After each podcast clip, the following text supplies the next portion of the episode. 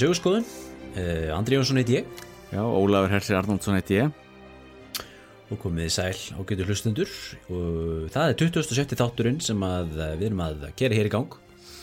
Það er um, já, við lendum í smá teknilegum örðuleikum tekni var aðeins að stríða okkur. Hér eh, þegar við reyndum að taka upp síðast. Og þess vegna erum við svolítið sein, seinir út núna með þetta Já, en það er eins og þú segja við erum nú búin að taka upp í tvö ár og þetta er fyrsta skipti sem að lendum í þessu þannig að við getum verið ánægða með það það. má eiginlega segja það. Já, við sérst uh, lendum í því að, að, upptakan eðilegist á síðast upptöku og það má segja það kallaða gott að, að, að hafa sloppið við það. Já, það er það. En fyrst þú nefnir það að þetta er einmitt við getum sagt að þetta sé ammælist þátturinn okkar af því að ég var kanna þetta um daginn sko og við tókum upp fyrsta þátturinn okkar, fyrsta oktober 2018 Já, og núna er þegar þessi þáttur er tekin upp 4. oktober 2020 þannig að, þannig að við getum sagt að þetta sé svona sem kemst næst í að vera ammælis uh, þátturinn okkar í sögur skoðun. Já, já, já. Það er glæsilegt, tvö ár, það er fínt. Tvö ár. Og þú ert hress og góður í, í Oslo? Jú, jú, ég er það. Það er Það er ekki eitthvað smá ágætlega hérna er svona, og vanur því að vera með lifa með þessu COVID-dæmi þú fær alveg að hafa messur og, og jarðafærir og svona Já, allt þannig. Eina sem spurning hvort það svona fermingabúðir, uh, hvort við þurfum að hætta það í februar, en það fær nú bara komið í ljós. Þannig að það dálítið í februar þannig. já, svo erum við menn að tala um það að bólefni komið kannski næsta ári Já, við reynda voru rússar konni með bólefni sko fyrir lungu síðan. Já, það er mjög áhvert að sjá alveg það, menn alltaf að við hafa verið svolítið skeptiski út í það. ég, ég er sko trúið því. Mér finnst það myndið svolítið, kjánalegt. Þetta var, þetta var lítil frétti í fréttablaðinu bara eitthvað svona lítil dálku bara nút í hótni sem var bara svona bara rússar búin að finna bóluefni gegn COVID. Já, og svo eitthvað svo, svo, svo var eitthvað yfirlýsing frá eitthvað heilbriðis sambandi eða læknasambandi Rússlands eða eitthvað bara við ekki, við stiðjum ekki það að fara í tilurinnur á manneskjum svona snemma nei. En þeir eru nú að langt komið núna, er þið ekki byrjað að sprauta eitthvað 40.000 manns, heilbæði starfsmenn. Það sé að segja frétta þessu. Smiði hvort að hérna, þessi heimsfaraldur breytist í zombie apocalypse frá Rúslandi að fáum eitthvað svona, fallout hérna. Það er nú aldrei list þá, bæta ofan árið. Já, við í sögurskoðun all vorum hér í síðasta þetta að þess að tala um Japan. Og ætlum í rauninu að færa okkur, eh, hvað, 100 ára aftur í tíman? 102. Já, í dag. Já, Já, einmitt. En nefnilega ákveðum að prófa ætlum að vera með smá trílógíu hérna. Og hérna og það er svo svona kanna uh, vorum að kanna sagt, eh, vorum að skoða sögjapans frá því að uh, svo þjóð uh, uh, hóf innreið sína í nútíman á 19. öld og uh, tók þátt í, í uh, á vettvangi stórvelda politikur uh, eðinvæðingar og, og alheims vættum kapitalisma á, á um, síðarhauta 19. aldur og fyrirluta 20. aldar sem að sem að var um, saga sem að endaði síðan í setni heimstyrjöld og, og kjarnungsprengjunum sem að við ætlum að skoða þá vegferð já. Og svo er það líka alltaf þannig með, hérna, með söguna og með söguskoðunina. Af því við töluðum í síðasta þetta um hann, hérna, Commodore Matthew Perry, sem er oft talað um að hann hafi, hérna, breytt gangi sögunar þegar hann, þrýst á Japan að opna sig. mm. En það sem er áhugavert, ég nefnilega var að lesa síðan þá í annari bók eftir það, að það náttúrulega finnast auðvitað líka rattir það sem að gaggrina þá sögurskoðun og benda á að þetta sé eins og við erum nú ofta að tala um svona eurocentrisma, Já, að já. þetta sé eurocentrismi og það hafi verið miklar umræður í Japan Já, á þessum tíma, nú þegar um, um sko stöðu Japans gagvart þá um heiminum og sérstaklega þá nýlundu þjóðunum þannig að, að þessi atbyrður kannski hafi verið spilað meira upp í evróskru og amerískru sögurskoðun já. En ekki það, ástæða fyrir okkur í bendi áttu núna er bara að mista allt svo áhugavert svona hvað menn vilja hérna fóksera á. Þó ég sé þetta alveg lindu því að jú, þetta hafði þetta náttúrulega áhrif. Þetta er náttúrulega kickstartað einhverju eh, einhverjum meiri hugmyndum í Japan. Og náttúrulega leti síðan til Já, það er spurning, jú, ég myndi nú segja ítt allan undir það að Japan tók sig hennes ákvörðun að opna sig. Já, þetta er auðvitað mjög góða punktur að ég minna, þú veist, veist þessi official sögurskoðun eða veist þetta, þetta sem bara, veist, bara þetta basic dæmi sem við lærum í skóla bara, veist, það er bara, þú veist, Japani voru léns, lénsveldi Já. og kaða lénsveldi og Matthew Perry, ekki Chandler, heldur hinn, þeir fóru bara þarna, hann fór bara þarna nýrtir og hann bara opnaði Japan og það er bara alltaf að nota þessi frasi. Já, alltaf nota og, og þú veist það er bara einhvern veginn og kannski líka líka einmitt fyrst mér einmitt, einmitt, eins, og, eins og ég nefndi einnig síðast þetta, veist, að, það er, að það er þetta með sko líka þá setni heimstyrildina og, og Pearl Harbor veist það bara ja. Japanir gerðu allsherjar skyndi árás á Pearl Harbor og bandaríkinn fór í stríði í Japan mm. veist, þetta er einhvern veginn bara sagt svona og, Já, og hann það er svona einhvern veginn alfa og omega alls. En þetta er að sjálfsögðu eitthvað sem á sér langan aðdraðanda sem við ætlum að skoða svolítið í þessum þætti því í þessum þætti ætlum við aðeins að skoða millistýrisárin já, í Japan. Já. uh, við skildum við okkur við ykkur hér í narratífinu uh, í fyrirheimstyrjöld já. Þar sem að Japan var hafði tekið þátt í, í fyrirheimstyrjöld á, á, á hlið, við hlið Jap- bandamanna og hafði skipað sér sess við borð bandamanna og, uh, í Versölum uh, friðar ráðstöðnun í 1919 Og það sem er náttúrulega áhugavert er að fyrir heimstyrjöldin náttúrulega hafði svo brjálaslega áhrif náttúrulega á allan heiminn. En áhrifin á Japan voru náttúrulega allt öðruvísi heldur en áhrifin á Bandaríkin og Európaþjóðunar því Japanar halda inn í stríðið af tölverið ákefð og það er svona sama spenna og maður getur sagt að hafi verið uh, í Evrópu.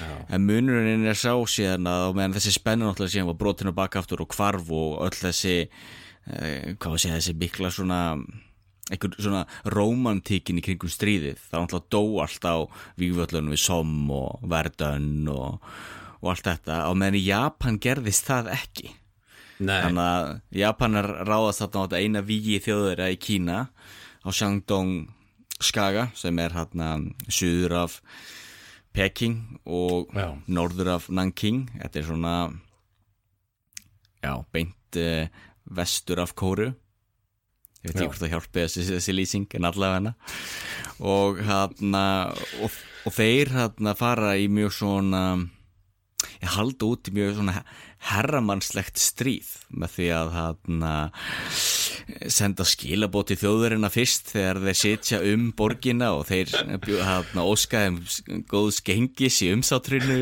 og þetta er mjög eða svona hugulegt einhvern veginn og skrítið og svo hann já, þú veist, hver að gerist það? Menn eitthvað svo, já, góðgeði vel Fritz og svo er berjast þér hann og, og þjóðurinn náttúrulega voru ekkert með neina, neina, hernaðastyrka viti þannig að þeir náttúrulega gáðust upp. Já, já. og þá var þessum það þýsku hermurinn náttúrulega sínt mikil virðing og þegar þeir komið til Japans þá var hann fagnað með þessu Bansai hrópi já, einmitt, já. Það sem að þeir já, hvernig á að lýsa því? Er ekki, með hendurnar niður með síðum og síðan reysur fl- fljótt upp og hendur upp í loft og, og, og kallar svona bansæ Er þetta ekki svolítið svo húrra bara? Jó, þetta er kannski svolítið þannig. Já, en allavega, og síðan höfðu þessi þýsku hermurinn það bara ágætt í, í hérna, fákabúðum Japans. Já, já. Og það er náttúrulega líka því að þá við komin inn á það náttúrulega að það sem er svo skrítið með allt þetta er að aðal fyrirmynd Japana á þessum tímum bæði stuttu fyrir fyrirheimstyröld og í fyrirheimstyröldinni það var Þískaland Viljáms Kesara þannig að Japan horfði fyrst og fremst á Þískaland og lítu á Þískaland sem sko bestu útgáfun af nútímanum og að Þískaland uh, þetta keisarlega Þískaland væri þetta framtíðin. Já, þá með þennan her með þarna, þetta takmarkaða líðræði með svona fámennistjórn með mm. keisara á toppnum hernaðalegt já, já.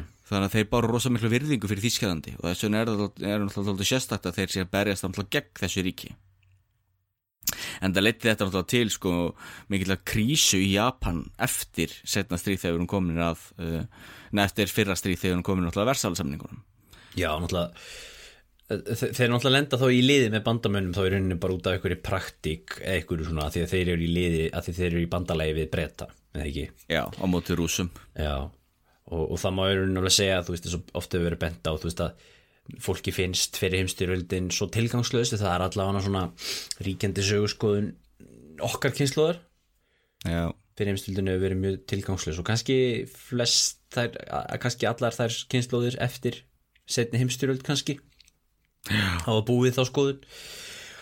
Og eðlilega var það frekar sko en mm. uh, sumir hafa kannski bent á að þarna hafi verið eitthvað svona svona, svona í, veist, ideológisk uh, barátta líðræðis gegn einræði og svona en, veist, en það náttúrulega fellir auðvitað um sjálft sig þegar þú tekur hérna í þetta já, hvað gerir það? og náttúrulega þetta er sama gildi náttúrulega um setni heimstyrjöldinu auðvitað en Mm. Japanir um, voru þá þarna, áttu þarna smá um, svona sumarást með bandamönnum þarna í Mm. fyrra stríði og árunum eftir því það endaði náttúrulega ekki 1919 hjá þeim. Nei, og svo náttúrulega getur við líka náttúrulega nefnt að eh, fyrir Japan var þetta náttúrulega uh, hvað var að segja gull, gullin ár, mikil hana, mikil tækifæri þá í fyrir heimstyrjöldinni Já. og japanski pól, hana, stjórnmálamenn litu á fyrir heimstyrjöldina sem uh, mjög jákvætt tímabil og mikið svona tækifæris tímabil fyrir Japan. Til þess þá einmitt að ná undir sem náttúrulega þýskum nýlendum hérna í Kirrahafinu Já, eða við Kirrahaf og svo náttúrulega óks japanska hagkerfur rosalega. Já, og styrtist þeir fengu mikið pening. Já, þeir til dæmis uh, seldu, hvað var ekki 600.000 rifla til Rúslands og þeir hann já, voru að flytja út mikið að vefna vöru til dæmis komist inn í nýja markaði. Og þetta veitti en þó síðan fjármagslegt bólmagn sem þeir síðan gáttu notað á millir þeirri sárum til þess að byrja til dæmis að berja ennþá meira á Kína. Já, já þetta er svona, þetta var svolítið svona blessa stríðið fyrir þeim. Algjörlega, það var það. Já, já. og þeir áttu þarna svona svo við förum aðeins yfir að við nefndu það náttúrulega aðeins í síðasta þetta en, en, en Japanir voru þarna eins og þú nefndir uh, í Kína og, og, og svo tóku við nýlendur um, ásamt áströlum uh, tóku nýlendur uh, þjóðverja á Kirahafi Já, þeir tóku einni þátt í því að stoppa þískar skipalestir var það ekki? Þeir voru að sökva þeim og þær voru að fylgja uh, skipalestum bandamanna uh, frá Asíu og til Evrópu og með, meðal annars spyrðaflutningum uh, frá Indlandi og, og liðsauka hergagnaflutningum frá það ekki? Jú.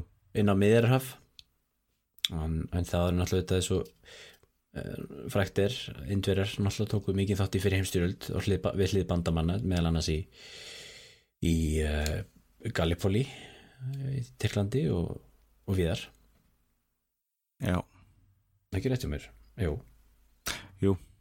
það er rétt. Og það meiri sem stóð til að að bjóða Japanum frakkar báðu það um að koma og með mannskap á vývöllin Já, kom í partíið. Báðum held ég var ekki halva miljón hermanna, já. Það er náttúrulega hellingur. Já, það hefði nú verið svolítið skrítin atbyrður ás, ég myndi sér það veginn japanskir hermin á í, í, í hérna mm skotgrjófunum í Belgíu. Það er sérstætt, já. Já, en ekki það, það er líka stórmerkild að hugsa um það. Hvað var einhverjir hvað var að segja einhverjir ný, nýlendu hermenn frá Kongo og Benín og já, hvað það frá Indlandi eitthvað að brasa í á orðstjóðlunum í Flanders. Já, já, Belgi, já, já. Það er önnu saga. En náðu indverjarnir að koma, voru indverskir hermin á vývöllunum í Evrópu? Já, ég er nokkuð sem að það verið aldrei af þarna indversku hermennum þar. Já. og líka þarna fyrir frakka frá Alsýr og frá Mali og öllum þessi nýjöndu þeirra. Já, já, nefnitt af því ef ég maður rétt þá held ég að breytar alveg dreigið hvað miljón indverja inn í já, þannig að það voru ekkert sendir út um allt en ég held að það hafa svo margir. Já, já. Þetta er merkilegt að, að, að, og sorglegt í í senn að, að þessar um, þjóðir hafi, hafi þurft að senda sína bestu síni að við viljum að, að stráfællast fyrir, fyrir stríð imperialismans. Já. Um, En síðan líka þegar þannig að við förum aftur að Japan að Japan var rosalega litað líka að, uh, af kynþáttahugmyndum á þessum tíma. Já.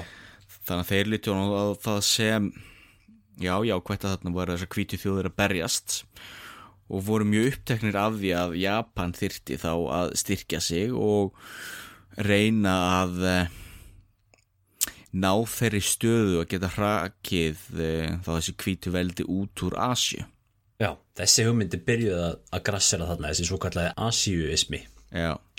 sem átt eftir að vera ríkjandi hugmyndafræði Japans Já. þú veist á mittistýris árunum og sérstaklega þegar kemur inn í setni heimstyrluna þú veist hugmyndin um það að Japan sé með sérstakt misjón að uh, vera herrar Asíu og hrekja kvítamannin út og, og, vera, og frelsa uh, Asíu frá nýlandveldunum og þessi hugmyndi var líka svolítið uh, erfi hvað það varðaði að það náttúrulega var það svolítið spenna á meðal stjórnmálumenna í Japan. uh, gagvart Kína því hver var þá staða til dæmis Kína og um, annara þjóða í þessu til dæmis þá ætti Japan að stefna að því þá að verða eitthvað svona nýtt herraveldi eða herra þjóð uh. eða ætti Japan frekar að reyna að vinna að sa samvinnu og þannig ekki vera jafn mikið svona, hvað maður segja rándýr eða jafn svona fjandsanlegt, ég er hugsað um þú svona predatory power, ah, kannski að maður hugsa um ennsku rándýra þjóð. Já. En það lýsir því raun og veru búið vel sko, maður sér fyrir sér Kína sem svona þetta veika dýrið aftast í flokknum og svo eru öll rándirinn hann á eftir í hælunum á það. Og síðan bara spurning hvernig hvort það fallið eða ekki. Og svo náttúrulega fjall þetta keisaraveldi og þeir náttúrulega voru eins og hrækamar stórveldin, að reyna að fá sín bita Það fyrir, eða það voru svolítið umræður um þetta og meðal sjálfmálum í Japan hversu mikið ætti Japan að vera íta undir sko að rýfa eh, keisaraveldi niður og til dæmis kom það sem tölvert sjokk Já. þegar að kving eh, keisararnir í Kína, Kína þegar þú svo keisarætt fjall Já. og Kína varð allt innu líðveldi af því að það náttúrulega var bein óg eða ekki bein, óbein óg við japanska keisaradæmið En segð mér eins frá því, hvað, þú veist, hvað, hérna, ég þekki þetta svo illa. Sko, þeir í Kína, þá ertu þú náttúrulega með þessa aldagömlu keisaraætt, eða keisarastjórn, sem að voru náttúrulega nokkra ættir og sem er það Ming og þessi yngsta ættin var Qing ættin eða ekki, Já. þessi síðasta. Jú. Hvað var það sem aftur feldi það hana aða 1912? Sko, megin ástæðan, jú, var, hvað getur við sagt, sko, spilling í Kína, úreldir stjórnunar hættir og vanmáttur gagvart e, e, Európu þjóðunum. Já, þannig að það er komin, já, já, það er, þetta er hérna búið að vera alls konar núningur í gangi við, vestu, við Evrópu og Bandaríkin á síðlutu 19. aldar og það er það sem að gera það verkum að, að, að, að lífveldi kemst, ver, kemst á Kuomintang og Chiang Kai-shek kemst til valda Jú því það er alltaf stór hluti þjóðurinn að missi trúna á kvinkeisarættinni Mm. og þá náttúrulega vaksa þessar líðveldisumumundir hefur náttúrulega vaksa fiskur um hrygg og það endar þá náttúrulega með uppreist og síðan er þessi keisari fullskilda náttúrulega bara hrakki frá völdum Já. og þá reynir Kína að reyna stjórnvöld að nútíma væða ríkið og, og einhvern veginn standa þá upp í háruna á öllum þessum vestuvöldum sem hefur verið að ráðast á Já. og þeir alltaf hefur búin að missa mikið. Rússarnaröllin sem rifi frá það Mongólíu og þeir tók, tekið það landsvæði sem var handan Amúr árunar þar sem til dæmis er Vladivostok í dag. Já. þeir voru búin að missa Kóru búin að missa Hong Kong, Macau fullt af svæðum. Þetta er náttúrulega aðtökulvægt að Kína er náttúrulega svo hjúts. Og, og, og þetta ríki sem við köllum í dag Mongólia það er náttúrulega það sem að ég það sem þú vísa til, sem rússar reyfi frá kynverjum sem er það verið svæðið sem, hefur, sem var kallað Ytri Mongólia og meðan Inri Mongólia var ennþá undir yfir á þeim uh, kynverja og er, er í dag hér að í Kína. Já, og, og, og eru þá mongólar sem búa þar ein af, ein af þessum hvað er, fimm hérna, höfuð uh, þjóða í, í, í Kína, Kína eins og við kalla, kalla já, og svo ertu með Mansjúriu sem er þarna austan við Mongóliu í norðaustur Kína sem er nú já, landsvæði sem að tengist Japan mjög mikið á millistriðsárunum og er þetta uh, svæði sem að líka hefur stundu verið skipt í yttir og innri eh, hluta eftir því hvernig rússar hafa haga sér gagvart Kína en það eh, ef mér skjálfast ekki mætti kalla þann hluta mannsjúriu sem að tilheri Kína uh, fram til 1931 uh, innri mannsjúriu og meðan sá hluti hluti mannsjúriu sem er norðan við Amúr fljótið uh, sem að rússar hafðu tekið af kynverjum hvenar á 19. öldektjón já, 19. öld, já, það sem, að, já, sem þú talar um Vla- Vladivostok og þetta hefur verið talað um sem, sem ytri Mansúria og innri Mansúria eða sérst Mansúria, þetta er náttúrulega þetta er rauninni svolítið, svolítið hugdag sem að sko kynverja vil ekkert mikið vera nota í dag sko, út af þessari fortíð sinni. Þeir, þeir til minnst þetta er ekki þetta er ekki hér að í Kína lengur sko.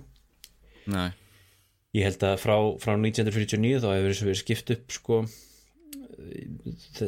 Hér að þið heiti bara norðaustur Kína eða eitthvað líka.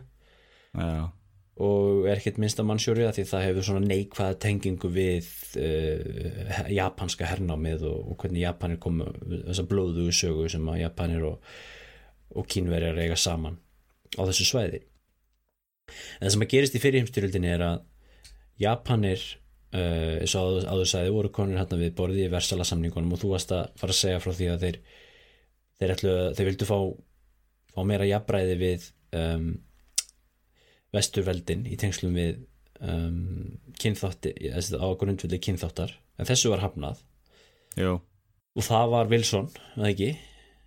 Jú, það var, það var Wilson og svo var það Ástralja þannig að þetta voru Bandarikinn og Ástralja sem, sem stóðu fyrir því að þessu jafnbretti var hafnað.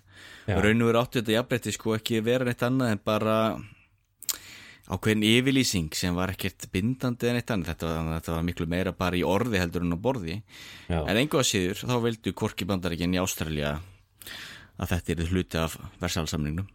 Það sést að, að kynþáttalegt jafnbretti uh, já, það sést allar þjóðir ættu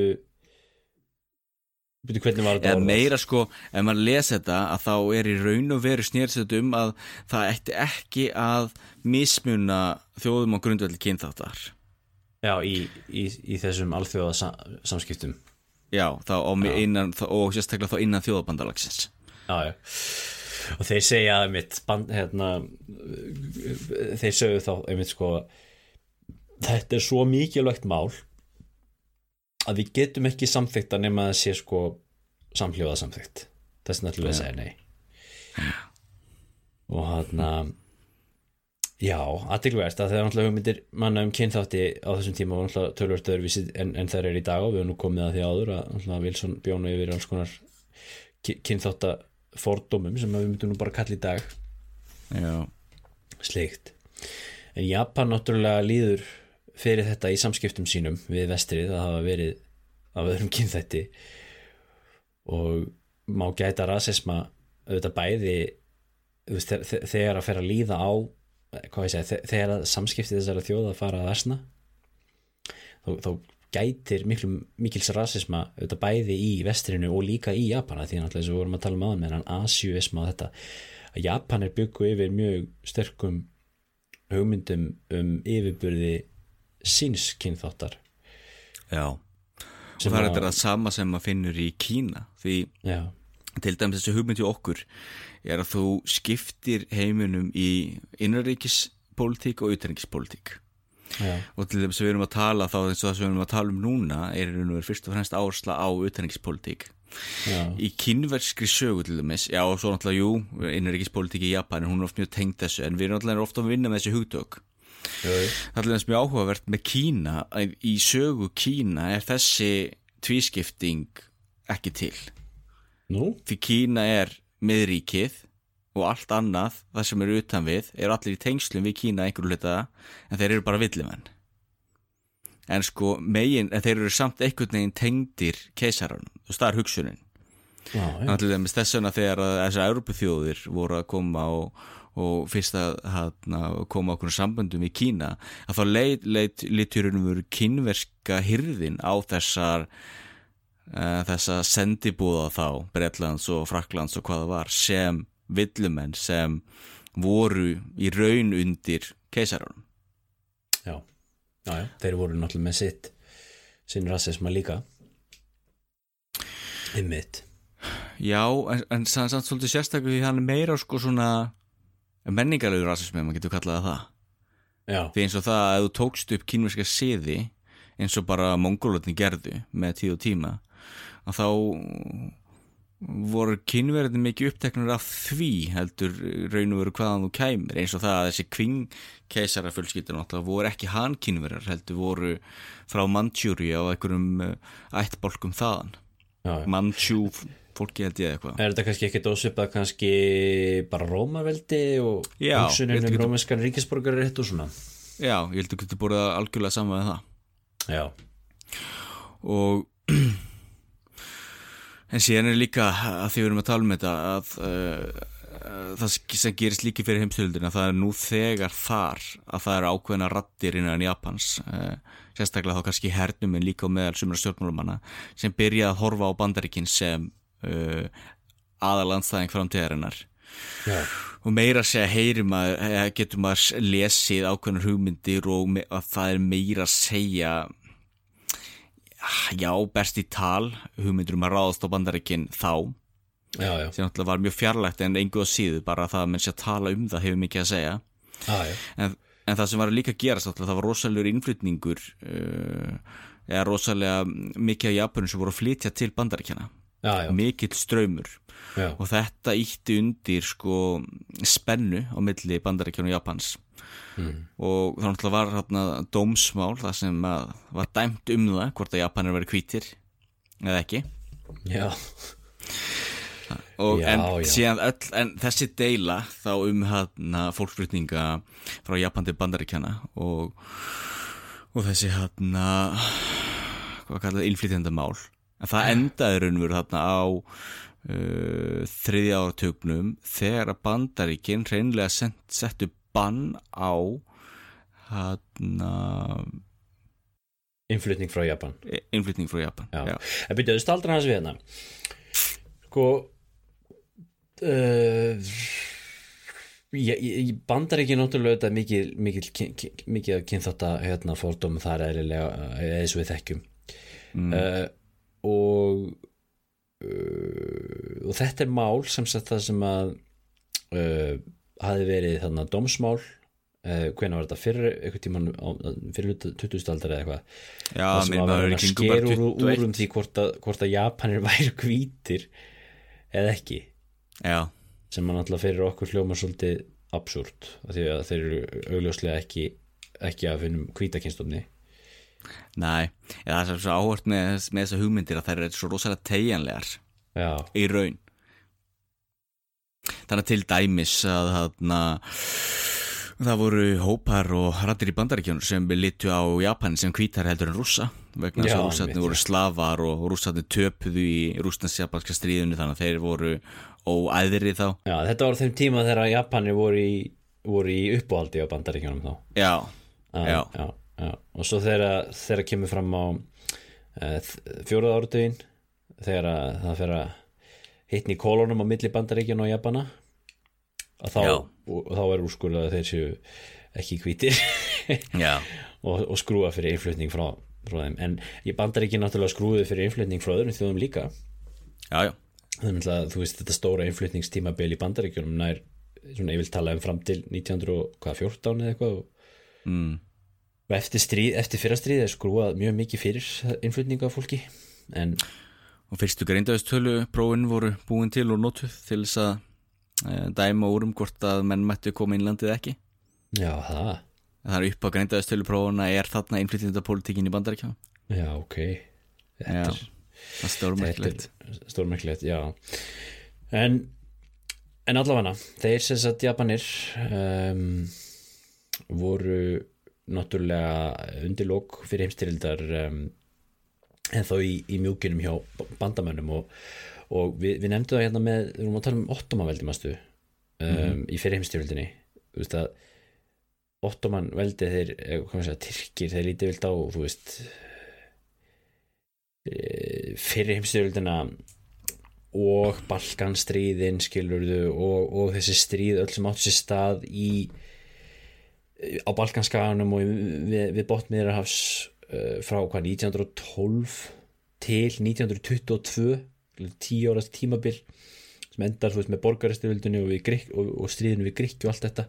Þeir líti á þetta sem, sem eitt tímabil Tyrkir. Um, og er ekki svona veist, afmarkaða svona milli 1914 og átján eins og, eins og, eins og eðlilega brettar og þjóðverjar og frakkar gera. Já, og það er svo leiðis með Japana að Japanir uh, þegar að stríðinu lauk þjóðverjar gáðist upp 1918 þá, uh, þá hafði brotist út borgarastyrjöld í Rúslandi í kjölfarbyltingarinnar 1917 og uh, Rúsland var í lógum þar börðust rauðliðar og kvítliðar um völdin. Þetta er borgarstyrjöld sem að geisaði fram til 1922 ekki?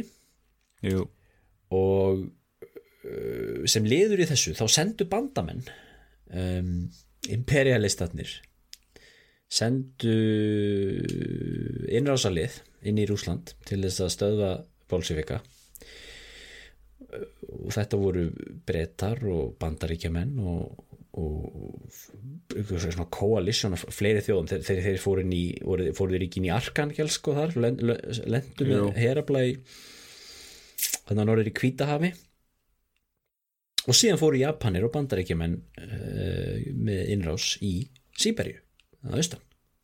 Já, þetta er nú svona eitthvað sem kannski ekki oft er svona, já, þetta er náttúrulega mjög merkilegur alþjóðlegur atbyrður að, að stórveldin hafi greipið svona inn í, inn í þessa borgarastyrjöldana það er það. Og þeir sendu nú var ekki sjö- um 70.000 termen inn í, í Sýberíu og til samanbyrðu þá held ég að bandaríkjumenn voru þá í öðru sæti með 7000 þannig að þetta var fyrst og fremst að í raun og veru japansk innrás en náttúrulega íferð uh, já þessari skikju þá að þú værir í ykkur koalísjoni. Já, já, að því síðan voru með þessu uppi hjá hugmyndir í Japan að nýta tækifærið og mögulega búa þarna til ykkur sko eh, smáríki þá á milli Rússlands og Japans búa til ykkur skona Sýberíuríki sem getur verið svona buffer. Einmitt. Þá gerðu Japanir innrás í, í sem sagt uh, í, í Trimansúriu það sem að Vladivostok er og, og þetta svæði sem að hérna, þetta sem að rússar náttúrulega tóku þarna af kynverjum og, og, og, og Japanu þótti alltaf vera svo mikil ógn við sig. Já, og þarna ná Japanir að leggja að hernema þetta og, og líka hvað, S- S- Sakhalin eigu já, sem er eiga þarna sem þeir hafa alltaf barist um. Japanir og rússar uh, sem liggur hérna við norðan við Japan og, og austan við um, Rússland. Og þetta voru Japanir með í hernum í, í mörg ár alveg fram til 1926 var það ekki? Já 20, ja, 25 þá fóru Já. síðustu hermennir frá Sa Sakhalin eigu Já, frá norður hlutan því þeir eftir rúsnast japanska stríðum var Sakhalin eigu skipt í tvent þannig að Japanin fengur sögur hluta og rússa norður hlutan þannig að þeir yfirgáðu norður hlutan ekki svo seint. Já, En það sem er líka svolítið ástæðan fyrir þessum þessu hernaðabröldi er að Japan þegar Japan byrjaði að opna sig og nútímavæðast að þá var fyrirmyndin nátt- náttúrulega ekki einhvers konar þessi uh, líðræðisríki eins og Breitland og Bandaríkin. Og það sem var þá líðveldi og, og þingræðu og slíkt heldur var hugmyndin alltaf frekar að vera með svona fámenni stjórn sem byggði veldi sitt á keisarunum eins og, og mjög hort á til til dæmis Þískalands þannig að vandamáli var náttúrulega alltaf að þegar það var síðan pressa og spenna innan Japans þar sem að það náttúrulega voru sterki, sterka upp sem vildu meira líðræði að þá var það oft notað uh, til þess að samina þjóðina að ráðast á önnu ríki og fara já, í hín og þessa leðungarna til dæmis kínverðskjaparska stríði var þetta rúsneskjaparska stríði var þetta svolítið líka. Og leðungurinn í Sýberi átt að þjóna svolítið sama tilgangi. En það sem gerðist og það var mikið sjokk fyrir japanska herin var það að þá urðu miklar óerðir eða brutst út óerðir í Japan út af þá uh, matvælaverði og slíku og gaggrinni út í það að vera eigða fjármunum í þennan hernaðarleðangur og það síndi, þetta var svolítið svona hvað svona fyrsti vísir af því sem koma skildi á millistrýsárunum Já, áttu þá við í tengslu við gaggrinni út í herin Já. og aukið líðræði og gaggrinni út í þetta fámenniskerfi svona autocracy eins og það kallast það ennsku Já, og til dæmis hérna, að, að þú fær stjórnmálaflokka til dæmis og stjórnmálaflokka pólitík í Japan upp úr fyrir heimstyrjöld það var ekki fyrir það. Nei. Fyrir það varstu, varstu með þessa elíti stjórnmálamanna og náttúrulega frá Maichi og já, svolítið jú, fram og já, til fyrir heimstyrjöld varstu með þetta Ge- Genro eða Genro. Genro held ég að þessi búið fram sem voru þessi eldri uh, stjórnmálamenn sem hann höfðu rosa mikil áhrifavald og tengst og voru í bein tengslu við keisaran Já. Nú er alltaf þetta já, aðtækluður punktur sko að, líðræði að verður ákveðin svona e, svona líðræðis líðræði eflist aðeins þarna tímabundið. Já, af því að náttúrulega það sem að kannski ég myndi segja frekar að myndi einkenna millistýrisárin er, er, er meira þá þú veist uh, hvernig líðræðið veiktist. En þetta er góða punktur sem þú nefnir að, að, að kannski átti líðræðið sí- líðræðið í Japan fyrir 1945 átti kannski sína gullöf þarna fyrstu árin á, á, á þriði áratögnum Já, því maður getur ímsuleiti borið þetta sama við kannski væmar líðveldi í Þískalandi Já, að sko í Japan eftir þá fyrra stríð að þá er mikil gróska í líðræðin og líðræði styrkis og þú færð stjórnmálarflokka og japansk samfélag uh, opnar sig meira já, fyrir þá þessum líðræðs hugmyndum og líka sko hernaðar hugmyndin að fá mikið bakslag og það dreigið mjög úr hernaðar útgjöldum og herin veikist mjög fram til svona 1929-30 já Þetta er þetta svo snýr kallar þetta aftur. Taisho tímabil. Já, enginn er svolítið af þessu. Japan er náttúrulega með þessa þessa sterku keisara hefð sína og, og, og náttúrulega eins og menn gerðu eh, gjarnan á tímum einveldis kendu tímabili við, við einvaldin uh, en þetta hef, þessi hefð hefur haldið svolítið áfram í, í Japan og, og, og sögu Japans er oft skipt upp í tímabil svona eftir hvað keisari var. Já.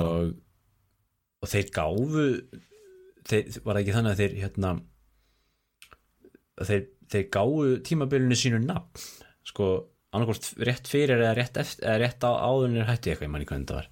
En allavega þessi keisari hérna sem að Taiso keisarin sem að tók við að Meiji og var þá pappi Hirohito sem að eh, þessi, þessi stóri mer merkilegi keisari sem átti eftir að stjórna Japan í uh, í setni heimstyrjöldinu og hefur verið þar leðandi namntókaður uh, það er þetta Taiso tímabil sem er, sem er 1912-26 það er oft verið, verið svona loðað við það tímabil sem svona svona, já, svona líðræðisvakning og efnagslegur uppgangur og, og, og svona mjög gott uh, og vinalegt samband við vestuveldin eins og við vorum komin á hérna með fyrir heimstyrjöld og eftirleik þess. Já, en svo náttúrulega tekur þetta enda 26 og Hirohito tekur við sem keisari og uh, þá hefst það tímabil sem að kalla hefur verið sjóva sjóva tímabilið. Og það passar einmitt við, við að, að, að hérna, sem þú segir að þá, þá, þá byrja, byrja hlutinir að breyta svolítið í Japan. Nú er ég náttúrulega ekki að halda því fram að þetta sé tengt, tengt endilega beint við hann persónlega en það er náttúrulega eitt af þessum stóru svona stóra debatti í þessari sög og sérstaklega þegar kemur að að uh, veist, glæpum Japana í setni heimstyrildinu og þessum, þessum, þessum alvarlegu hlutum sem átt eftir að gerast setna sem við ætlum að tala um í næsta þetti Já. sem er sko ábyrð keisarans Hirohito að hvað miklu leiti var hann uh, spilari í þessum uh, atbyrðum sem átt sér stað á, á sjóa tímabilinu sem er, sem er hans uh, valdatíð og, og, mm. og var svona áhrif, af, afdrefarík fyrir Japan og, heim, og, Asíu og heimsbyðina og af hvaða leiti var hann áhrifalauðs bara svona pundudúka Já. Það er nefnilega svo áhugavert með sögu Japans. En það er einmitt þetta, þú veist, hvar er hvar stendur keisarinn og hvar hefur hann staðið? Hversu Já. mikið er hann, jú, bara einhver leiksoppur, hersauðingja eða stjórnmálumanna eða hversu mikil áhrif hefur hann í raun? Sko þetta var náttúrulega það sem var náttúrulega gert strax eftir stríði var að, að það var náttúrulega viljandi alveg búin til svo mynd officially í Japan og af hernámsefjöldunum í bandarísku að Hirohito hafi verið bara puntudúka sem hafi ekki haft með neitt að gera vegna þess að þeir þurftu á hann að halda til þess að halda uppi. Og sumir hafa sagt þetta er algjörð búlsitt, þetta er það sama og sko þetta hefði verið eins og hérna, þú mást kannski eftir hérna aðtriðun í hérna der untergang. Mm. þegar hérna Himmler segir, mástu þegar Himmler allar að fara og, og, og hérna ég, ég er farin að semja friði bandamenn. Bandamenn þurfa mig og þeir þurfa SS ríkið til þess að halda reglu hér eftir stríð. Sumir vilja meina að þetta hafi verið svo leiði sko. að því að, að því hinvængurinn er algjörlega á því að Hirohito hafi verið bara sko bara einhver evil genius sko, sem bara stjórnaði þessu öllu sko. en þetta er kannski já.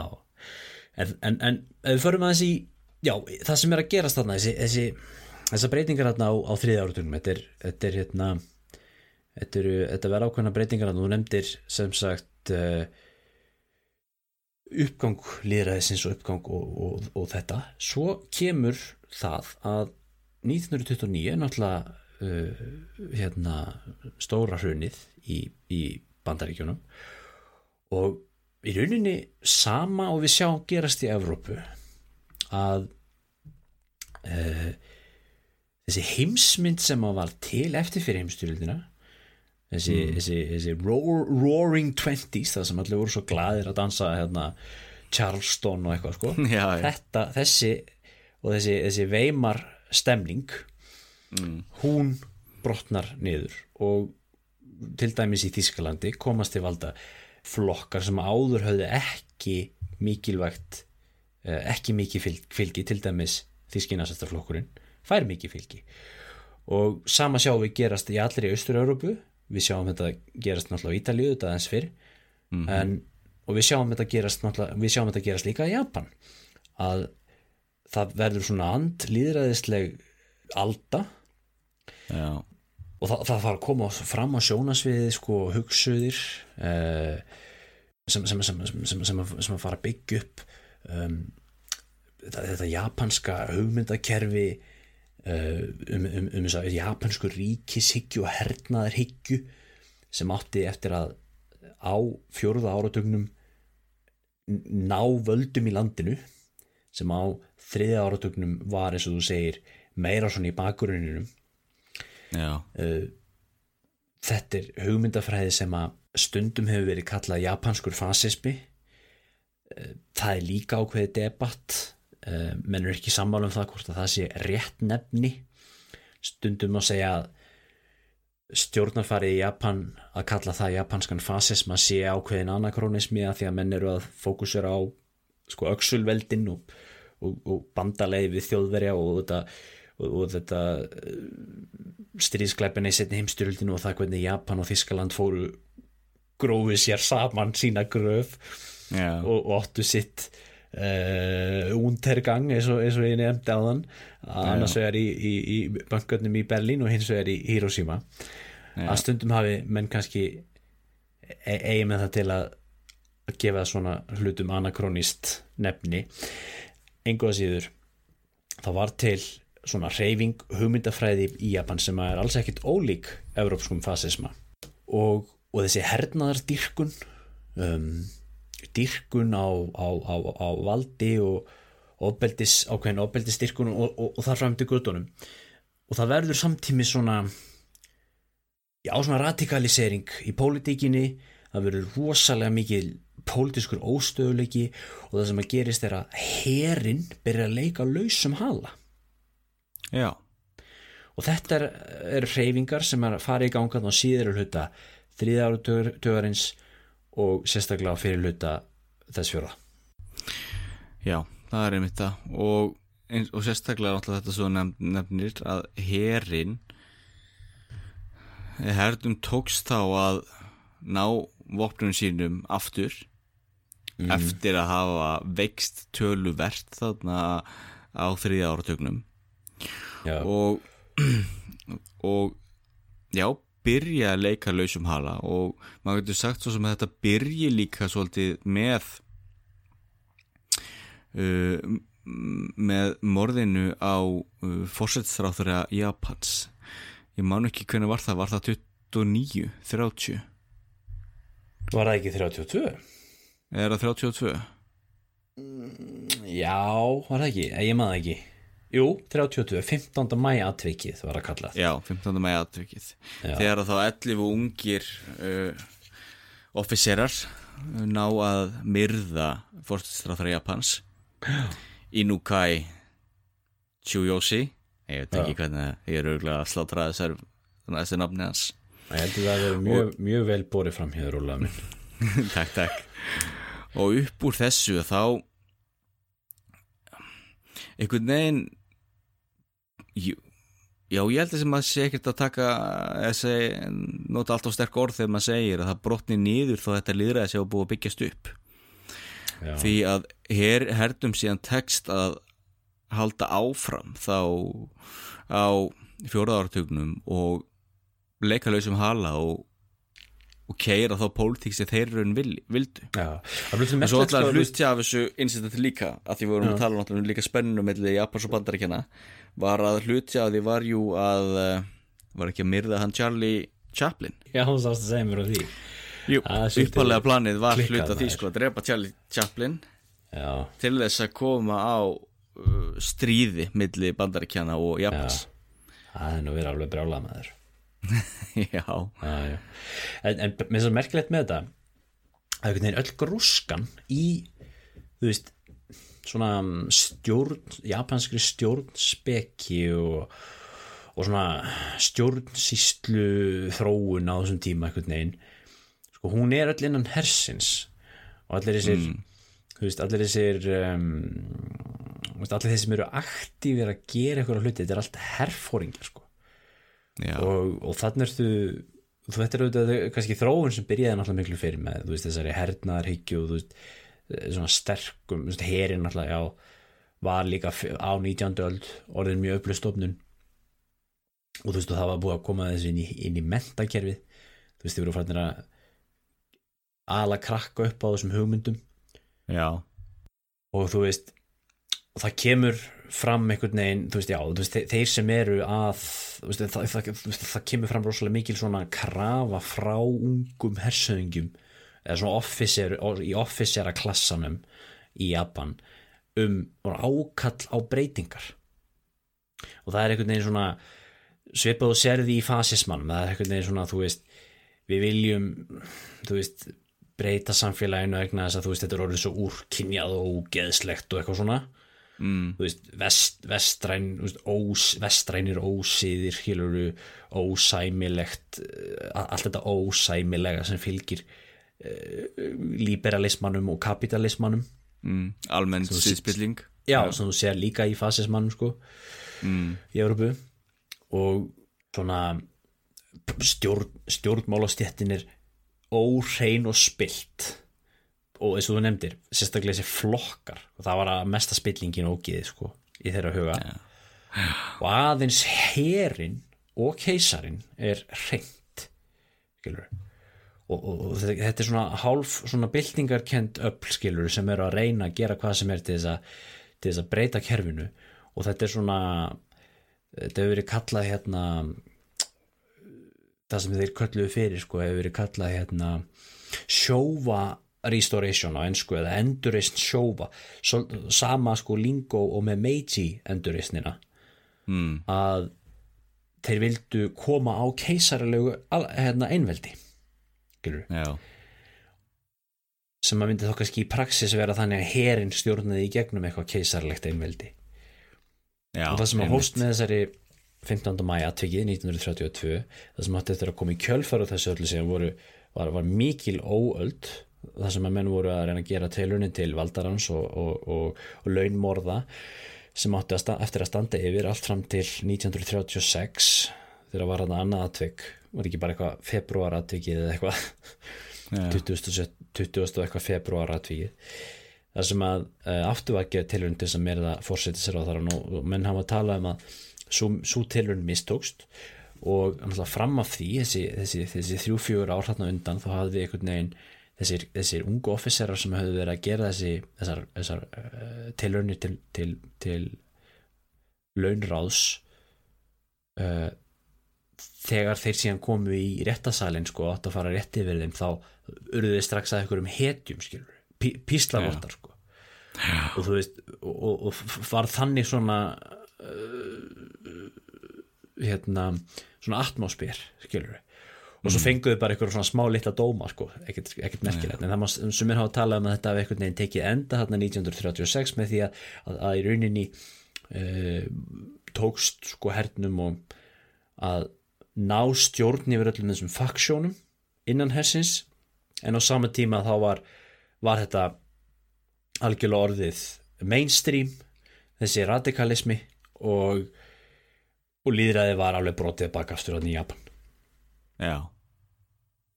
Og einmitt og meðan allt þetta gerast að þá er náttúrulega allt þessi atvik sem áttu sér á stað í Já. Kína og gagvart Kína. Já, utanríkispolitikinni sem að náttúrulega hel, helst hönd í hönd við þetta allt saman. Já, nákvæmlega.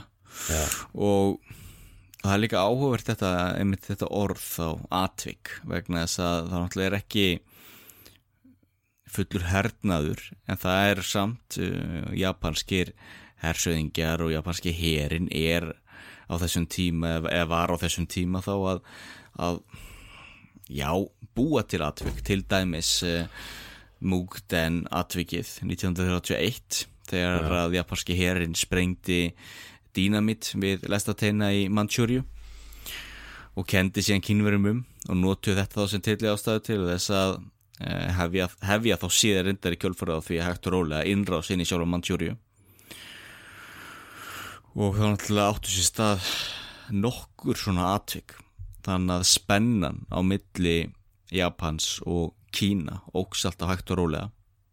Já, þanga til að í raun og veru jú, í, feb, í jú, 32 þá meira segja uh, voru Japanir múin ganga það langt að þeir, bjú, bú, þeim tókst að búa til þarna svona hjálendu í Manchúriu já. Og þetta er svona mjög merkilegur atbyrður á- í þessari vegferð Japana til Hiroshima já, það er það er sérst uh, hvernig þið tóku yfir Mansúriu og, og það er svona atbyrður í heimsugunni sem að hér á Vesturlundum hefur alltaf vakið og er alltaf talin upp í aðdraðanda setni heimstyrjaldar einn af þessum svona stóru hlutum sem að einn af þessum svona þessum, þessum svona aggressjón sem að öxulveldin voru uh, áttu uh, þátt í árunum í aðdraðanda setni heimstyrjaldar þetta er alltaf nefnt í sömu andra og, og einrás Ítala í Abyssíu eða Eþjópíu og svo þeirra þjóðverða lögundi sig. Súteta héruðin og Tjekkoslovakíu og Östuríki já, áður en að, að setni heimstyrjöldin hófst. Og þetta var náttúrulega svo atbyrður sem var náttúrulega átt eftir að sko var náttúrulega svo atbyrður sem, sem náttúrulega skaut Japanum sko langt í burtu eða svo einangrað og mjög á alþjóða vettvangja því að þetta var náttúrulega svo atbyrður sem leiti til þess að þeir fóru úr þjóðabandalæginu Já. Árið 1933 og sem var nú skemmtilegt sko því að það, það hefur náðst á filmu. Eða svo aðtöp náðist á filmu því að hann hérna, fulltrúi Japana í, í þjóðabandalæginu uh, var stattur upp í pontu þar sem hann uh, mótmælti því að þjóðabandalegi var að mótmæla innrás þeirra í, í, í Mansúriu og, og, og stóð upp og, og gekk út úr salnum á dramatískan átt Já, og hérna en þessi at, atbyrður á svona í 1931 í Mansúriu, við erum aðeins að taka smá aðdraðanda því. Já, sko spólum aðeins aftur hérna þeir vorum í fyrir heimstjöldur um, og þú nefndir hérna í síðasta þætti vorum að tala um rús, Japan, japanska stríðið og við rúsa og, og, og, og kynveski japanska stríðið þessum að þessir tveir atbyrður gerur það verkum að, að Japanir voru við, á, við í fyrir heimstjölд komið ákveðin ítök í Kína. Uh, þeir, þeir höfðu fengið þarna aðstöðu í Kwangtung heitir það ekki? Mhm. Uh, sem er sérst þannig skæi sem að stendur hvað við segja rétt vestan við Kóru uh, í Mansúriu á ströndinni við, við, þarna, við hafið. Og þarna liggur þessi fræga járnbröð uh, suður Mansúriu járnbröðin voru ekki rússar hann lögðan á sínum tíma? Jú, sem að sérst Japanur hefði fengið yfir og yfir og hvort það var, ekki rétt var ekki rétt skilja hjá mér að það var eftir rúsnesk japanska stríða þegar þeir fengu það. Eða var það eftir fyrir heimstyrjöld kannski? Að rússar höfðu þetta? Nei að Japanir fengu yfir og yfir þessum þessum, þessum játbrutatinum Já, það var uh, þeir fengu einhver ítök þetta suðu frá eftir júrústes japanska stríði en hvort þeir fengu járbrötina þá líka það er ég óviss um. Já, eða hvort að það kom í hérna í fyrir heimstyrjöld því árið 1915 í miðri heimstyrjöldinni að þá sem sagt eh, koma Japanir með frækt plagg sem kallast hinnar 21 eða sem sagt 21 eh, krafa mm. sem, að, sem að Japanir gera til Kína. Og þetta eru svona dæmum svona, svona sem hefur verið kallað svona uh, ósangjart samningur sem að sem að, sem að eins, og, eins og vesturveldin höfðu verið að gera við bæði Japan og Kína áður. Og þannig er Japan þá komið þá stöðu að, að vera með svona samning við Kína þannig sem að þeir gera alls konar kröfur um- við, kínverja sem eru mjög niðurlegandi fyrir kínverja og, og mjög eh, miklir eh, og, og mjög mikið til að mjög, og, og hvað sem er sígur mjög á hlið kínverja í þeim samningi. Já, meðal annars að þá fá Japanir þarna yfir á því við þessari járbröð, ef ég maður rétt. Og, og eru þar með komni með talsverð ítök í Mansjúri því þá geta þeir verið með veist, þeir geta verið með hermenn hann til þess að vakta járbröðina og þeir geta verið með, þá voru þarna eh, fjármála með, eh, hvað sem er hérna kapitalistar komið þarna voru, inn, voru að fjárfesta. Uh, arkitektar voru að byggja og verkfæringar voru að byggja brýr og mannvirki þarna. Uh, Japanir voru að flytja inn verkafólk til þess að vinna þarna bæði frá Japan og Kóreu. Og náttúrulega síðast en ekki síst þess að nefndi á þann þeir voru með her sem var þarna að, að vakta þetta og það er þessi svo kallega Kwangtung her sem átti eftir að spila mikið og stort hlutverk í, í þessari sögu. Þannig að þeir voru með uh, presens þarna í Mansjúriu frá 1915 eða svo. Og þá eru komin að þessu sem þú nefndir aðan uh, atvikið þar sem að þeir sprengtu játbrautina og, og kendu kínverjum um árið 1931 og eða rétt að rétt sprengdu við því hún, þetta dýnamitt skaða ekki einu sinni járbrötina nei, nei, einmitt, já. þeir kerðu lestir hérna bara stutti setna, klukkutíma Já, eftir já. eða eitthvað. F- frekjunni maður. Já, já, en allan og þannig að einmitt jú upp úr þessu og þá, það er náttúrulega eins og þú veist að tala um þessar hugmyndir. Hugmyndir hersins þá og þessi dýrkun á hernaði og sigri viljans og og já upphefja allt þetta og horfa á hernaðin í einhvern dýrðar ljóma alltaf stóð rosalega stert. Þannig að herin var algjörlega já, vildi berjast var að reyna að hefja stríð og var að reyna að þennja ríkið meir út. En það sem er merkilegt við þetta er náttúrulega herinni þarna að vinna á bara fórsöndum þeir Já. fara í þennan, þetta án, án leifis frá Tókjó já, og í rauninni var það þessi fóringi kvantunghersins sem að var ákveðin svona ideológ hann sá fyrir sér að þú veist hann hafði eitthvað svona, eitthvað svona persónulega metnaðum fyrir því að að stopna þarna eitthvað svona fyrirmyndaríki í Mansjúriu sem myndi vera eitthvað svona eitthvað svona uh, útópist uh, multikulti uh, land þar sem að sko kynverjar og kórumenn og japanir myndu lifa í sátt og samlindi og, og, og, og saman tíma myndi þetta sko ebla hag Japans með, með því að þarna myndu Japanir fá uh, land til að já, lebensrám og þeir myndu Já. fá þarna hráefni til þess að virkja versmiðurnar og, og, og markaði til þess að kynda undir kapitalismanum og framleiðslun og neyslunni heima.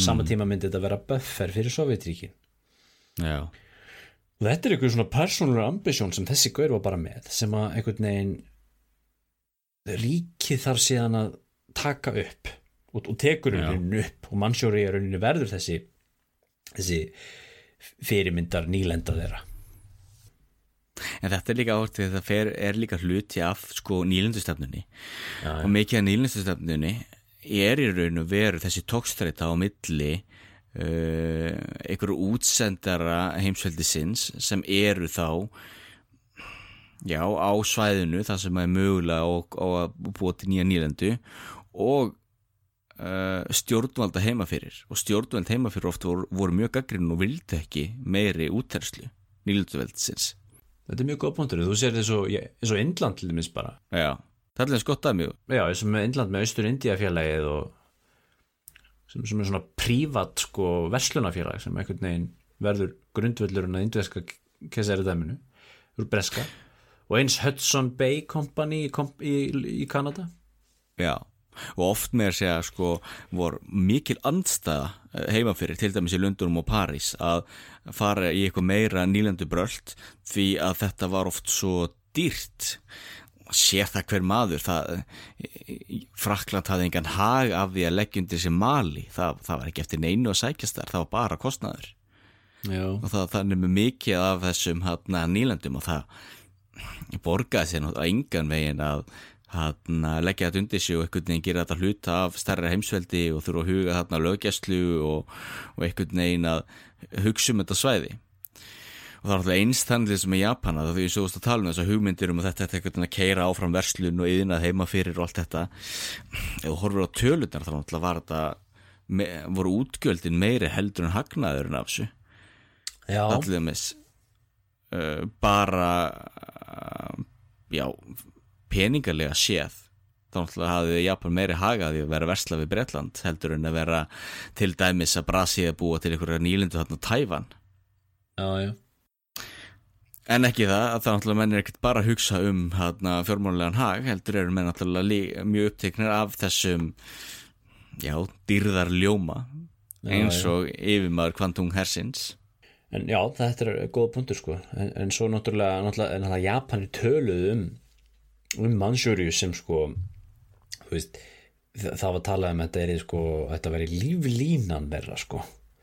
Veist, þetta Já, væri, þetta væri sko björgunar uh, báturinn þeirra sko bara já, það var bara algjör lífsnöðsin fyrir Japani að leggja undir sína Mansjúriu Vantarlega við spilaði hann einhver áróðusmaskina vissulega, Já, já. en einhvað síður. Og líka þetta með sko að það var orðið þröngt sko. Menn voru, það var, það var þéttsetið á eigunum já, já. hugsaði þér þessar 40 miljonir sem voru þarna þá á þessum tíma. Já. og það eru 120 miljonir sem búa þarna í dag. Shit sko. en það sýnir svo mikið náttúrulega hvað menn eru litaðir af hugmyndum sem oft eiga sér enga stóð í raunveruleikanum. Nei Þú verður að sama í Já. Þískalandi, þú veist, eh, Þískaland, jú, það var lífsnöðsynlegt innan geðsalappa fyrir Þískaland að, að leggja undir þessu Östur-Európu. Það var svo vegna að það var svo þröngt í Þískalandi, en í Þískalandi er minna í dag en það var eh, 1933 og með fleiri fólk. þetta er ennþá bara fleiri. áróður Já, vissulega hefur það nú verið eitthvað eitthvað eitthvað álag á Þískaland sko að fá allt, alla þessa flottamenn frá þarna Östubrúslandi og, og þessum sveðum sem að voru, sett, voru einleimuð í Póland vissulega hefur verið eitthvað álaga, álaga á þá en, en, en það var einhvað síður þýst efnahagsundur mhm, á nákvæmlega. sjötta og sjönda áratugnum þannig að þetta er mjög góð punktur. Já, Já. En hérna Já, aftur að Japan. Þeir sem sagt þetta uh, já, mannsjúri þetta fór ekki vel onni, onni, onni vestuveldin og, og þarna má segja að, að bandaríkin alveg gaggrindu þetta mjög mikið og aftur, aftur talandum um verslun og svona Japani voru háðir verslun við bandaríkin og þarna voru Já. þeir byrjaðar að hóta viðskiptaþvingunum eða hvort já, settu, settu á það viðskiptaþvinganir kannski, þá þegar það ekki? Ég veit það ekki. Nei, nei. Getur verið hvort þeir hafa takmarkað eitthvað eða hvort það komi meira eftir upp úr 36-37 Já, en þetta er allavega verð, verð þessi svo segja að, að þeir, þeir fara úr þjóðabandaleginu sem að og hann að og einangra sig einangra sig mikið. Og það náttúrulega heldur áfram eins og við tölum á þessi radikalisering í einaríkismálum og, og, og þessi japanski þessi, þessi, þessi, hernaðarhyggja og, og, og ríkishyggja eða statism eins og við verið kallað. Já, En hvað gerir svo, svo hérna uh, þróast þetta út í meiri uh, svona uh, núning á milli Japans og Kína þegar að fer að líða á fjóraða áratugin já, og endarunni með þarna atviki sem hefur kall, verið kallað Marco Polo atvikið. Jú. Og Kína er náttúrulega þessum tíma auðvitað í svona bor, á, á, á hálgeri borgaristyröldi eða ekki? Jú, Hvað er að gerast í Kína þarna þessum tíma? Þannig ertu með Ertu ekki með alveg þarna Chiang Kai-shek og, og Mao Zedong? Þeir eru alveg byrjaðar að slást þarna er það ekki? Þetta er fyrir hluti kínuveska borgarastriðsins jú og þarna er Kínarinn verið búið að liðast í sundur því þú ert með uh, hérna ímsu hersöðingja sem eru búin að þarna ná völdum yfir ákveðum héruðum og í raun og veru rífaði frá stjórnvöldum í Nanking. Já, og það er náttúrulega stór hluti af því af hverju Japanir voru höfuðu sér eins og gerðu gagvart Kína. Þeir náttúrulega sáu þarna veikt og stórt ríki sem var auðveld bara áð já, já. Og það er náttúrulega hluti af því af hverju þeir þá síðan hægt og rólega uh, voru að pressa á það og þáka til úr komið með þetta Marco Polo atvik, atvikið þar sem að sem þá byrjar uh, setna uh, kínversk japanska stríðið sem er þá alveg frá 1937 til 1945 Já Einmitt. Og það er svona atvik sem að eða hvað ég að segja, stríð sem að sem að um, já, sumir hafa nú talað um að þetta sé einn rétti upphafspunktu setni heimstyrjaldarinnar Já, þegar er Japan og. Kína fer í náttúrulega þetta voru búin að vera náttúrulega mörg svona, margar svona skærur á milli Kínveru og Japana. Mörg svona atvik einmitt þarna í, í, í Mansjúri og þar í kring.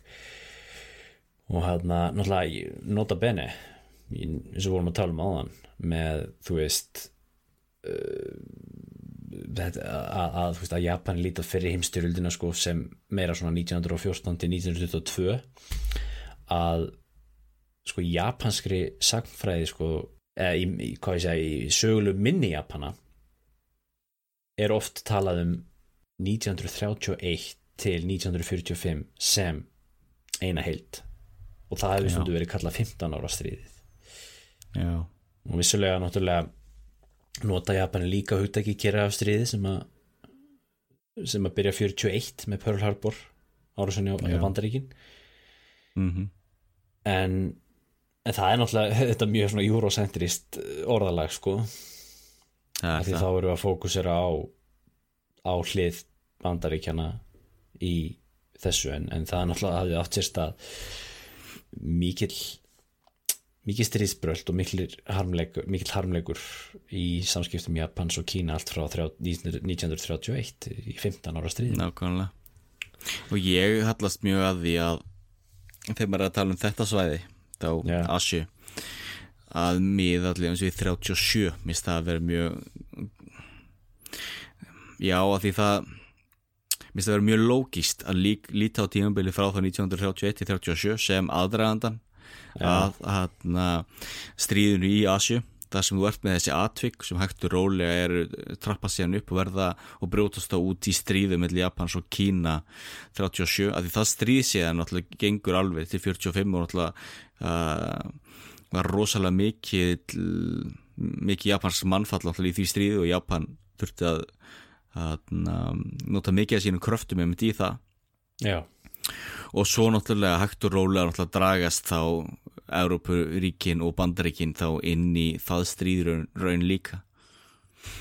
Og það náttúrulega tölum við um í næsta þetti Já, algjörlega. Já, í næsta þetta ætlum við að tala um þá og þá líka hvernig það verður til þetta hvernig, hvernig það verður til þetta bandala milli Japans og Þísklands og, og, og Ítalíu þessi, þessi öksulveldi Já, það er mjög sérstakt fyrirbriði Já, mjög aðteglust fyrirbriði náttúrulega hugmyndafræðilega svona eru þetta kannski þjóðið sem eiga svolítið heima saman vissuleiti, Já, vissuleiti. Já, já, þess að við talum stundum hefur, hefur, hefur hernaðarhyggjan í Japan verið kallaður fasismi sko. Já, já. Þetta er náttúrulega kannski helst munurinn sko er kannski sá að þú veist í, í Európu þá voru þetta svona þá var fasismin svona þetta var svona byltinga neðan sko. Þetta voru svona populískir einræðisherrar sko svo Mussolini og Hitler og þeir. Þetta voru menn fólksins sko í rauninni. Já, og, já, já. og, og, og skrifuðu þessi upp sem, sem menn fólksins sem voru að þú veist að að hrifsa völdin af einhverju svona spiltri elítu á meðan í Japan sko þá, þá var þetta meira svona bylting ofanfrá. Þetta voru, voru hersöðingjarnir sem að voru að og, og það var ekkert svona einhver svona svona verkalýðs romantík í Japan. Þörst á Nei. móti þá var uh, náttúrulega sko andkommunismi náttúrulega spila stórt hlutverkin í þetta. Sem ég náttúrulega hefur getað sagt hérna áðan að, þú veist, að það var, það var náttúrulega kommunismin á þriðja áratöknum var náttúrulega mjög öflugur Japan alveg sem var í Evrópu eh, eftir byltingunni í Úslandi og svona og hafði áhrif á þetta. Þannig að þetta kannski á samilegt en það sem hann kannski er svolítið öðruvísi er að í Evrópu er, er, er einhvern veginn svona eh, ákveð svona romantík með verkafólki og, og, og að þú veist að fasism, fasismin sé og þessi hluti af ykkur svona fasiskri heil það, það er svona það er eh, og þeir til voru með verk tóku, tóku yfir verkefælisfélögin í Þískalandi og svona og meðan í Japan voru engin verkefælisfélög og, og svona hugmyndafræðin var miklu meira í svona romantíkin var miklu meira í, í landbúnaðar stjettinni sko, bæ- bændastjettinni heldur en heldur, en einhvern tíman í Já, nákvæmlega einmitt. Þetta er alltaf þessum tíma alltaf Japan. Jú, var, var nútíma ríki og mjög alltaf litað að samtíma andan og þeim hugmyndum sem voru upp á borði. Já, já. og svo náttúrulega fóru þeir að líta á sig sem svona einmitt svona alveg svo þjóðverjar og, og ítalir og aðra þjóðir sem hefur tapaði fyrir heimstyrildin náttúrulega ítalir töpu held ég ekki. Voru þeir ekki Jú, þeir unnu en það var samt, svo- það var samt svo skrítið með ítalina, þeir voru svo óanæðir þeir byggustu miklu meiri þannig að það var rosa reyði og þeir voru mjög bitrir eftir fyrir Já. Þannig veginn þessar þrjá þjóðir sko Japan, Ítalja og, og Þískaland auk Östuríkis, Ungverjalands þú veist, Já. Rúmeníu þessi lönd sem höfðu þau, þau skipuðu sér í svona hóp þeirra sem að fannst að þeim hefði ekki fannst þess að þeir hefði ekki fengið nógu mikið út úr fyrir heimstyrjöldinni og, og þá var til þessi svona þessi svo kallaða, hérna, hvað kallast það? Svona haves and have nots hérna, þjóðir. Veist, af hverju fá þessir að þessar þjóðir að eiga nýlendur og hráefni og markaði á meðan við megum það ekki? Þetta var náttúrulega sem að þjóðverið sögðu. Eða Já. mist alla nýlenduna sínar og svo eins og þú nefnir Ítalir voru reyðir og betrir. Japan fyrir að skipa sér svolítið sess með þessum þjóðum já, og það er þá kannski meira grundvelli kynþáttar og, og asjuisma og, og þessa.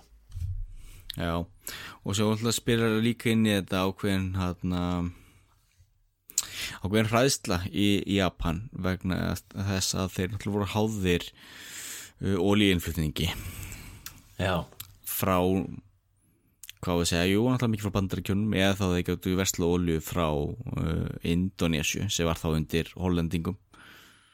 Já, þannig að það náttúrulega jú var þessi draumur náttúrulega mikið freysting náttúrulega þess að indonesísku eigjar og hérna, eins með Malasíu sem var undir brettum þetta svæði, náttúrulega ekki það langt frá Japanin raunum veru, þannig að það var tölfur freysting já, já. en það er einmitt þetta þessi skrítna orðræða að þessi ríki litu á sig sem þá sem ekki höfðu. Og fannst þeim þeir eru rétt á því að hafa meira. Já. það er mjög, mjög sérstakt. Og það einkennir Japan bæði Já. á millistýrisárunum en líka árunum fyrir fyrir heimstyrjöld sem við tölum um í síðasta þetta sem, sem svona þeir vildu fá að spila með í stóru strákaklubnum nákvæmlega. Og þeir, þeir, og þeir reyndu það al- al- heldur betur í, í þessum uh, hildaleg sem átti sér stað í 15 ára stríðinu sem við ætlum að koma aðeins betur að hér í næsta þetta erum við ekki bara að fara að segja þetta gott í þessari, Jó, á þessari yfirferð í dag? Júp, það er gott að stoppa hérna. 1937 Já. Og hérna þá uh, kíkjum við aðeins betur á þessa hluti hér í næsta þætti af uh, sögurskoðun, klárum við þessa trílógi um Japan? Og fyrir svo vonandi að hugsa um eitthvað annað. Já, ég gerir það hugsa mikið um Japan þessi daga. Já, maður búin að er ekki hugsa um annað en Japan núna um fleiri vikur? Nákvæmlega. Þá segjum við þetta gott í bili og þökkum fyrir okkur í dag og verið sæl. Verðið sæl